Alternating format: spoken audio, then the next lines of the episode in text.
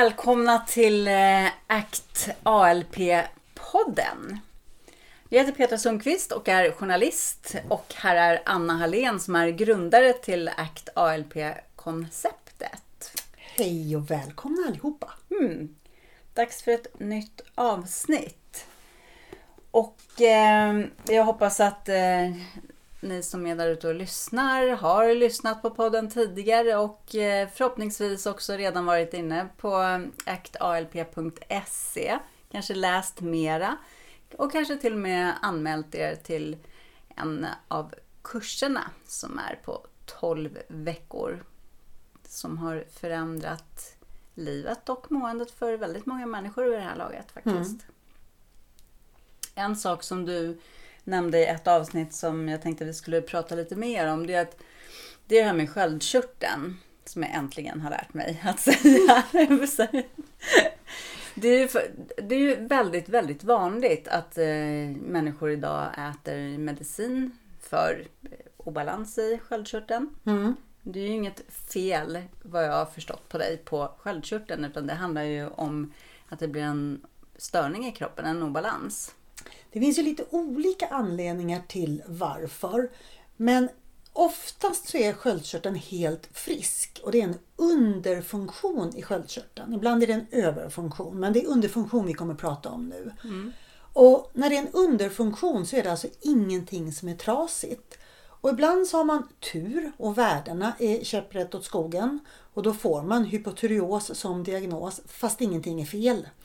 Och sen kan man ha otur. Man mår som om sköldkörteln inte funkar men värdena är perfekta.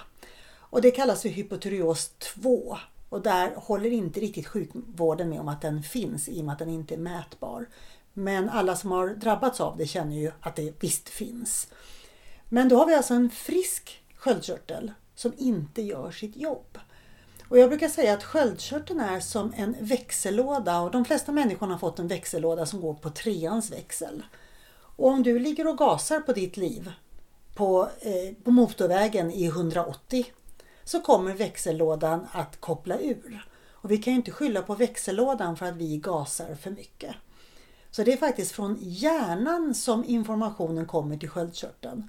Från hypofysen med ett hormon som heter TSH så talar TSH om hur mycket ska sköldkörteln växla upp? Hur mycket energi ska du få? Eller rätt sagt, hur många energichefer ska byggas? T3.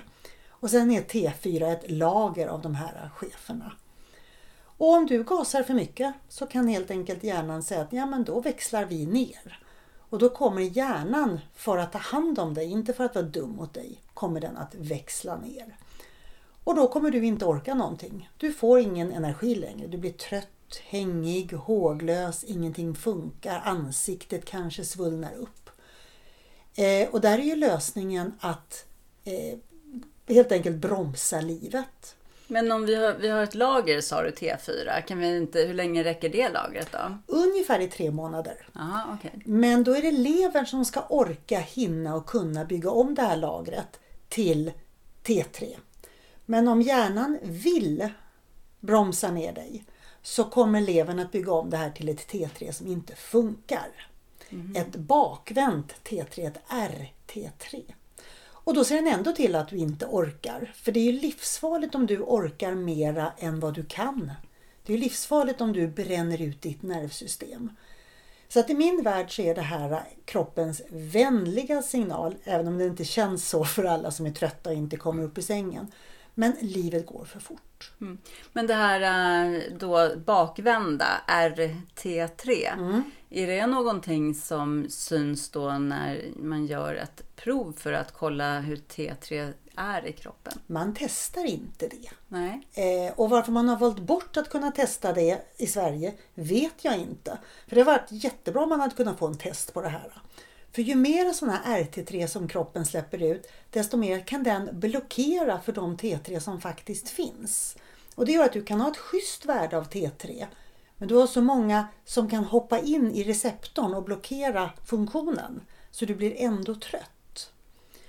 Så nu menar du att om jag skulle gå och testa till exempel T3 och eh, allting visar på mina kroppsliga signaler visar på att jag inte har T3 tillräckligt så skulle jag ändå kunna ha ett värde i blodet då på normal T3. Ja, du har tillräckligt med T3 men du kan inte använda Nej, dem. Så du precis. kan inte få dem som energichefer. Och det är de som har perfekta värden men mår jättedåligt. Men det är fortfarande ingen sjukdom. Det är fortfarande en funktionell störning. Det är fortfarande din snälla kropp, din snälla hjärna som gör allt för att inte du ska bränna ut dig. Och den har skickat ut signaler till dig i många år innan den stängde av dig. Den har berättat att du är trött, den har säkert fått magen att inte funka, den har säkert varit och petat på sömnen. Så du har säkert i 10, 20, kanske 30 år fått signaler. Det här funkar inte, dra i nödbromsen. Och sen till slut så måste hjärnan dra i nödbromsen åt dig. Och så drar den ner nödbromsen. Men de här RT3 då som har eh, dockat in så att inte T3 kan fungera. Kommer de att hoppa bort igen? Kommer de att försvinna när, om vi börjar ta hand om oss? Definitivt. Så fort kroppen känner att nu har du återhämtning, nu tar du hand om dig, nu får du alla byggstenar i din kost och nu har du schyssta tankar. Nu har du vilat ditt nervsystem. Då släpper ju kroppen på energin igen och så släpper den på glädjen.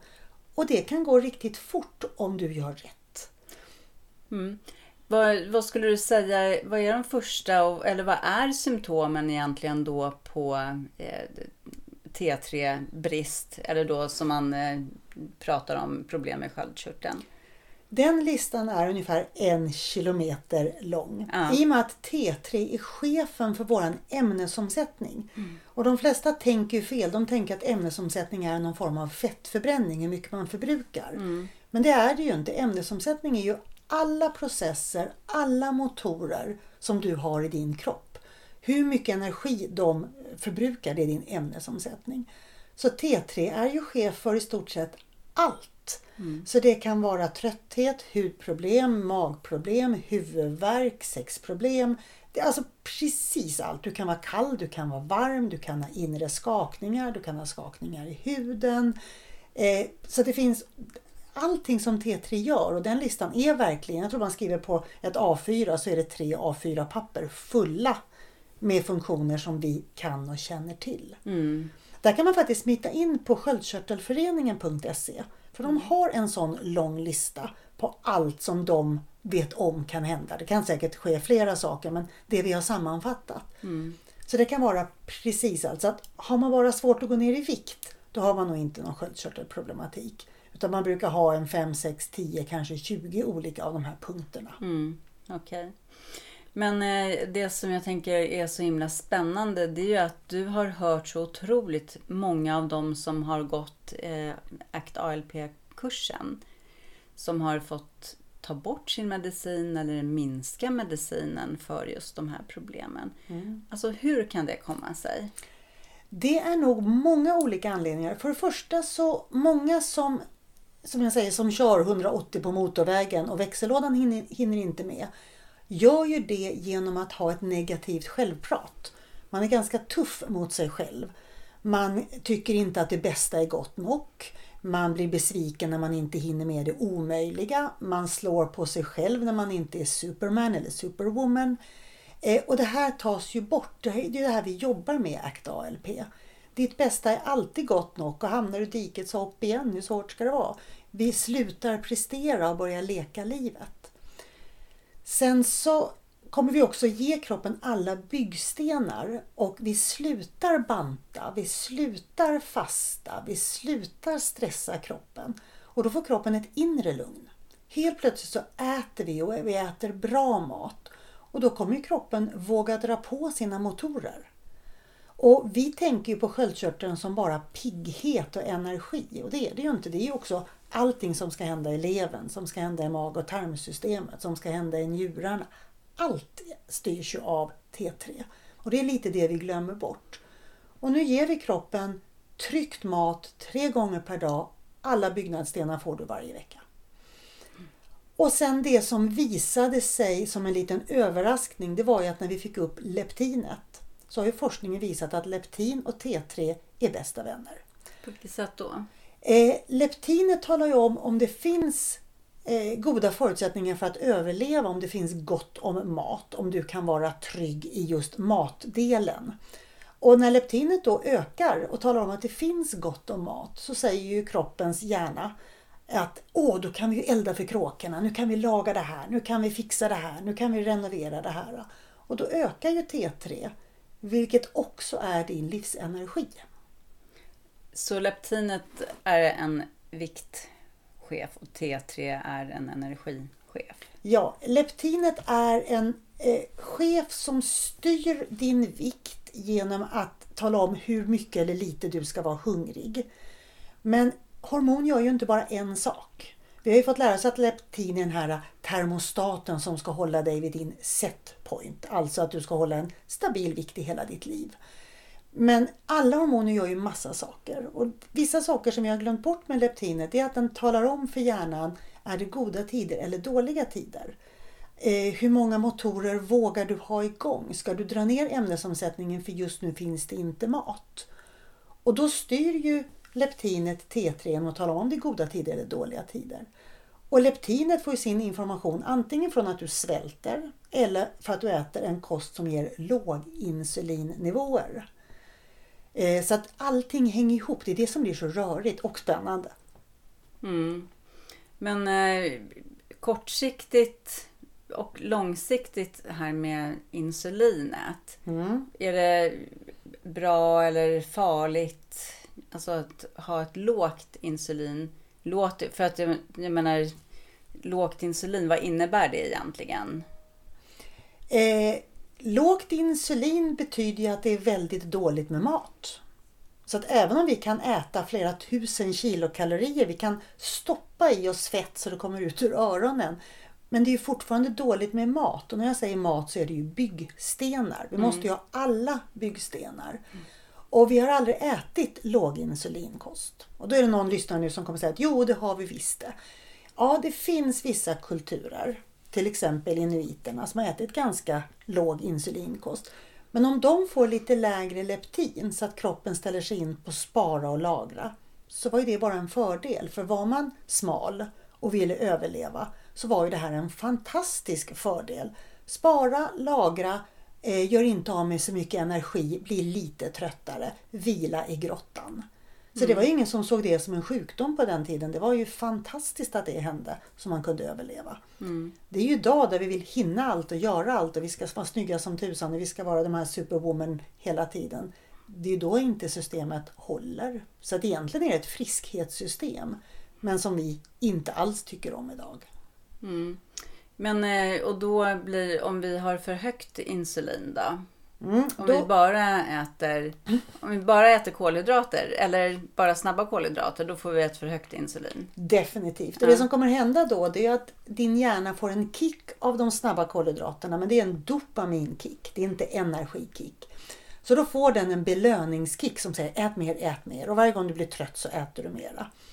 Men då får du ett högt insulin vilket skapar ett tjockt trögflytande blod. Det var svårt att säga. Tjockt mm. trögflytande blod. Mm. Det ökar inflammationen, alltså får låggradig inflammation. Och då kommer du till slut bli trött och hängig av det slitaget och till och med sjuk. För här är ju kopplat hjärtinfarkter, vi har kopplat diabetes typ 2, det metabola syndromet. Så med högt insulin så har vi väldigt mycket kopplade sjukdomar och där finns det jättemycket forskning. Men låginsulinkost har vi ju egentligen bara lekt med i västvärlden de sista 10-15 åren. Vi ska nog landa vid en normal insulinkost så att vi får ett normalt leptin, så vi får ett normalt T3. Mm. Och med ACT ALP-kosten nu så äter vi ju alla näringsämnen men lite mindre energi än vad kroppen behöver. Och då tar den från valken, minskar inflammationer, du får ett schysst blod för vi har absolut inte en höginsulinkost. Så du får väldigt mycket friskfaktorer.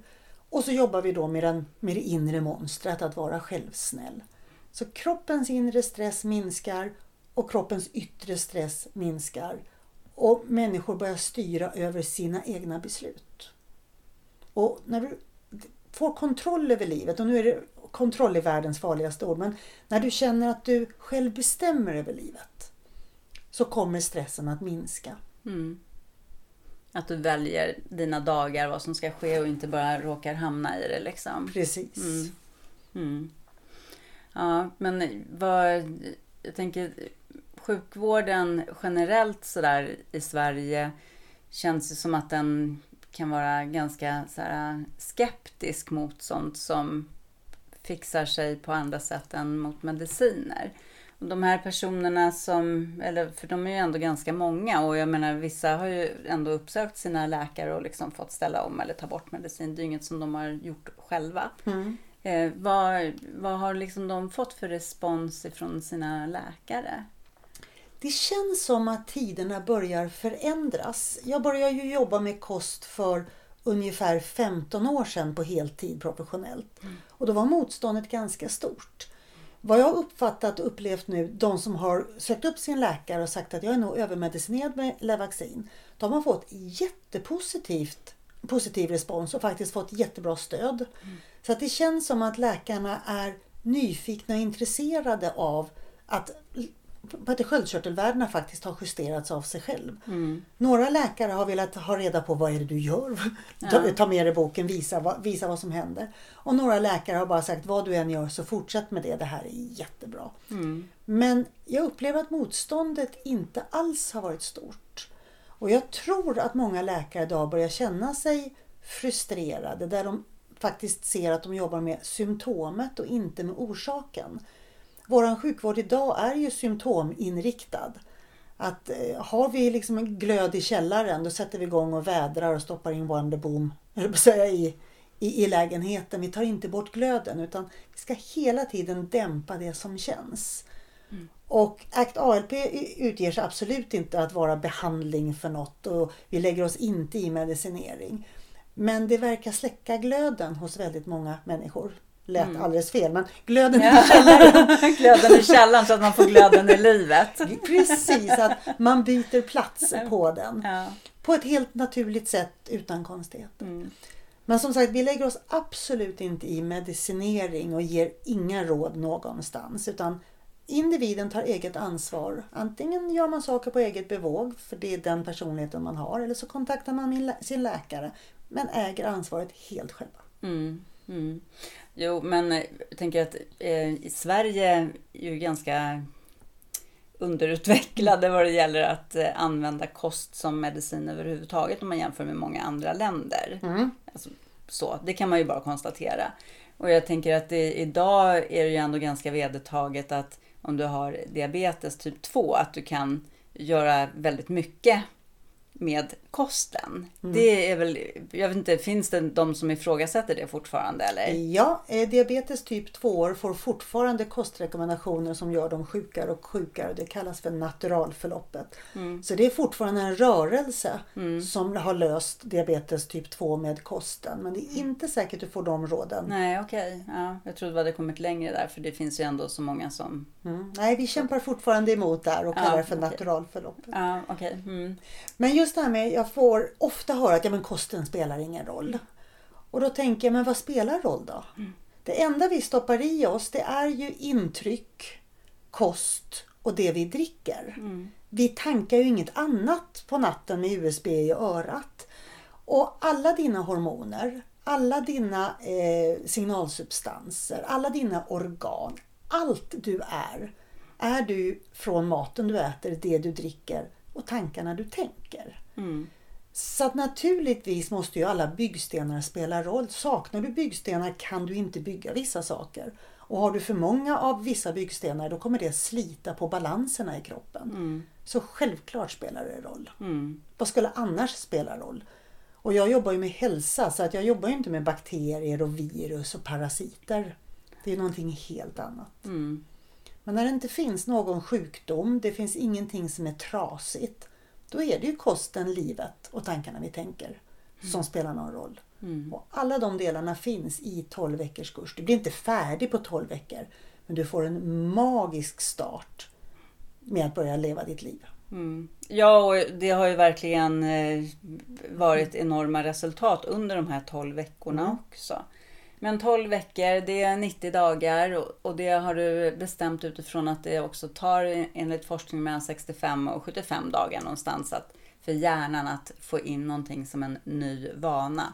Precis. Och det är här som kan vara en tuff resa innan det faktiskt blir en vana. Mm. För sen är det ju en vana. Det var väl jobbigt när vi var små och skulle börja borsta tänderna också. Vi hade väl oftast en förälder som tjatade ganska många gånger innan det blev en vana. Mm. Och det har jag sett om man tittar på till exempel att alla ska börja träna i januari när nyårslöftet kommer. Mm. Och det är fullt med folk i januari och det är fullt med folk ungefär halva februari. Och mars sen, ja då är det ju tomt igen. Ja. Så det var också en sån tanke där jag ville vara kvar som stöd när det börjar bli lite motvind. När vecka sju kommer, vecka åtta kommer. Nyhetens behag är borta, det är inte lika spännande längre. Nu äter man bara tekniken och allting bara tickar på. Och där ville jag finnas kvar. Och så tänkte att då gör vi den här kursen fyra veckor till. Så att man verkligen har stödet när motvinden kommer. Och här finns det ju inget vägande eller om du har kört ner i diket så finns det ju ingen skam att fortsätta nästa vecka och nästa vecka. Utan vi bara maler på. Eh, och jag rekommenderar till och med att inte ha vågen framme. Utan bara följa hur känns det, hur känns kläderna och hur mår du? Mm. Mm. Precis, för att eh, du har ju också skrivit och gjort en eh, kokbok, en kunskapskokbok. Eh, och den kan man, den, där finns ju också allting, all kunskap som man behöver. Men det är ju just det där att det faktiskt kan vara svårt att hålla i och göra det själv tills det blir en vana. Men den möjligheten finns ju såklart också. Men en kurs blir ju ändå, som du säger, det här stödet att faktiskt Och det har ju också forskningen visat att ja, du kan läsa in saker själv. Men att göra saker i grupp brukar göra att fler lyckas under längre tid. Så att gruppsamhörigheten och att man har någon som påminner en när man börjar lite tappa greppet är ett jättestort stöd. Och även om den heter kokboken, eh, ALP kokboken, så är den ju full av kunskap. Och även där skulle jag vilja flagga för boken Gnisselzonen om man har problem med sköldkörteln. Eh, så att där har du lite extra kunskap och då finns Gnisselzonen både som ljudbok och som pappersbok. Ja, just det. Precis. Perfekt. Ja, nej men eh, som sagt. Sköldkörtelproblematiken vad det gäller T3. När vi pratar om en funktionell störning och det inte är någon skada någonstans. Så har ju ACT ALP konceptet visat sig fantastiskt. Gjort magi. Ja, precis. Ja, till och med jag har verkligen tappat hakan. Jag visste att det skulle vara bra men att det var så här bra det kunde jag aldrig föreställa mig. Jag är så lycklig. Så hoppas att fler blir lyckliga. Ja. Så gå in på aktalp.se. Där kan du läsa mer och eh, framförallt där så kan du gå in och anmäla dig till en kurs som startar. Första fredagen varje månad så det är bara att titta på var du är någonstans i kalendern när du lyssnar på det här. Anmäl dig idag och då kommer du med till första fredagen i nästa månad. Mm, perfekt. Gå in där så hörs vi snart igen. Ja, ha det gott! Hej Tack, då! hej.